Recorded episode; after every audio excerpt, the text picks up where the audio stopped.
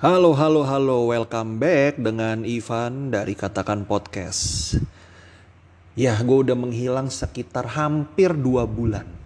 Podcast terakhir gue itu 20-an Februari. Ya, jadi ini udah hampir dua bulan. Dan anggap aja dua bulan. Dan ini adalah konten tentang curahan hati gue, cerita gue setelah dua bulan menikah.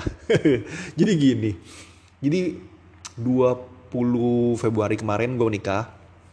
Dan ya ini adalah cerita tentang rumah tangga baru tuh kayak gimana sih. Jujur eh, ya ini pengalaman pertama buat gue dan gue masih gagap sana sini juga gitu. But ya yeah, here we go lah. Yang pertama adalah banyaknya pengeluaran uang di periode pertama lu nikah. Di awal-awal lu nikah lah gitu ya. Sebetulnya gue udah perkirakan sih dan gue udah nyiapin duit sih.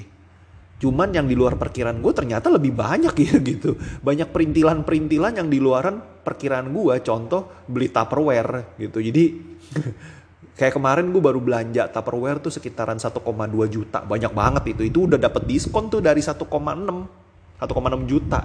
Lumayan bikin gue kaget. Wah anjir banyak juga ternyata pengeluaran gue ya. Terus belanja bulanan. Kan waktu gue tinggal sama orang tua definitely belanja bulanan bahan makanan ya dari mereka gitu kan.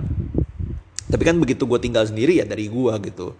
Belanja bulanan aja ternyata bisa habis uh, hampir 3 jutaan. Hampir 3 jutaan gitu. Gitu. Jadi total pas bulan pertama gue keluarin duit tuh uh, sekitar 4 juta ya untuk rumah tangga termasuk makan. Baik makan di luar maupun belanja bahan makanan. Dan bulan kedua ini gue kaget baru seminggu udah hampir 4 juta iya gara-gara tupperware dan belanja bulanan cuy gitu Waduh, jadi bener-bener sih lu kalau namanya lu nikah ya, duit tuh lu mesti siap banget gitu. Lu mesti definitely bener-bener siap. Lu nggak bisa tuh nikah ngandelin biar Tuhan yang mengatur, itu nggak bisa. Gue ngerti sih, kalau lu agama, lu apa agama banget gitu ya, lu fanatik agama, lu bisa pakai kalimat itu. Tapi nanti kalau lu mau bayar uh, makan di restoran atau makan atau di supermarket belanja lu nggak bisa pakai ya udah mbak nanti biar Tuhan yang ngatur bayarnya. Nggak bisa begitu sih gitu. Jadi gue pikir-pikir lu kalau prinsip nikah lu kayak gitu sih lu pasti nanti jadi orang yang paling depan nyalain pemerintah siapa pun pemerintahnya gitu. Kedua ternyata ketika lu tinggal di satu rumah gitu ya uh, berdua dengan istri lu gitu kan which is rumah yang baru yang masih kosong gitu sebelumnya gitu. Ternyata suara tuh kencang banget rasanya loh gitu. Gue udah ngisi perabotan. Ya udah ada meja TV udah ada TV-nya udah ada sofa ada meja di dekat sofa kursi apa segala macem gitu. Ya mungkin barang belum banyak lah. Namanya tinggal juga cuma berdua gitu. Tapi intinya sih udah banyak barang gitu. Cuman yang namanya suara ternyata kenceng banget. Misalnya gini nih gue nyalain TV main PlayStation gitu. Gue main PS istri gue di kamar kerja. Kamar ditutup nih dia nih. Kamar pintu ditutup AC nyala. Gitu ya. Nggak lama bini gue nelpon ke bawah. Kamu main PS suaranya sampai atas. Wah gue kaget sekali gitu. Maksud gue gue bahkan nggak pakai sampai setengah dari suara TV itu. Ternyata sampai atas gue sendiri kaget gitu kan. Gitu. Jadi ternyata rumah kosong suara tuh nyebar kenceng gitu Uh, bahkan nih, nah ini nih yang baru-baru, ini baru banget nih.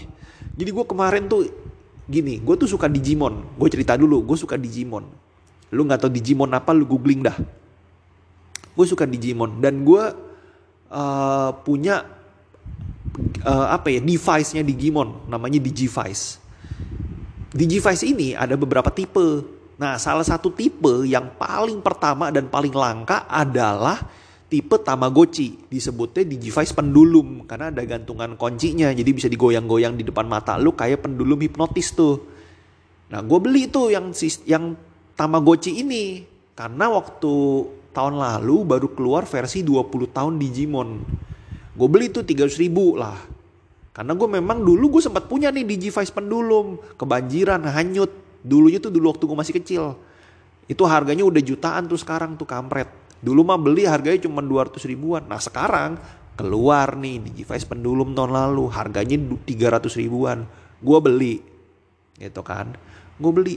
Waduh gila ya bener. Bini gue sama gue udah kayak ngurus anak beneran. Ya actually nggak 100% bener sih karena kalau bayi itu kan tiap 2 jam 3 jam nangis ya makan. Ini mah enggak Cuman kita jadi kayak rebutan. Gue yang beli, bini gue yang main. Banyak kan gitu kayak, aku mau kasih dia makan. Ya, Oke okay, gitu. Jadi lucu sih. Terus gue mulai, gue sejauh ini ya, ada sih beberapa saudara kayak nanya gitu. Si Amel udah ngisi gitu misalnya. Terus gue bilang, hah ngisi HP? Gue waktu itu mikir kagak ngisi. Itu maksudnya ngisi itu ngisi hamil ya. Cuman gue gak kepikiran hamil. Yang gue pikir ngisi ngisi lemari, ngisi rumah, ngisi apa gitu yang gue pikir tuh di situ kepala gue. Terus gue bilang ngisi apa lemari? Gue ngomong gitu dengan polosnya. Hamil Van? Oh belum lah. Gitu banyak yang nanya gitu banyak juga yang ada juga yang memburu-burui kayak ah semoga cepat punya anak. Gue pikir-pikir ada dua hal dalam pikiran gue saat ini. Sorry, bukan dua hal, tiga hal.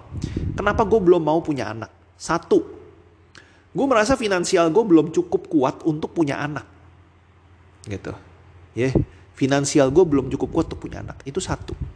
Kedua uh, gue merasa bu, sorry finansial finansial tuh bukan merasa tapi menghitung. Gue menghitung kayaknya gue belum cukup nih kalau harus punya anak sekarang. Kedua pandemi. Kita nggak tahu pandemi corona ini sampai kapan. Selesainya. Yang kita tahu udah ada vaksin. Tapi apakah dia masih terjadi penyebaran? Itu kita nggak tahu. Oke, okay? itu kita nggak tahu. Temen gue nikah 2019 akhir tahun. Belum ada corona dong. Bikin anak tuh sampai bulan uh, Januari kalau nggak salah. Eh Januari Desember pokoknya cepet lah. Tahu-tahu udah punya anak lah Desember kayak atau Januari 2020. Gak lama corona ya kan? Nah, lahiran bulan September. Bapak mamanya was-was banget ke rumah sakit. Karena takut salah satu atau mungkin si bayi kena corona. Gitu. Lah gue gak mau pusing kayak gitu. Gue gak mau pusing. Satu, kalau bini lo hamil, udah pasti lo pusing. Kedua, lu datang ke rumah sakit untuk mendapatkan pertolongan. Seharusnya satu-satunya hal yang paling lu pusing dari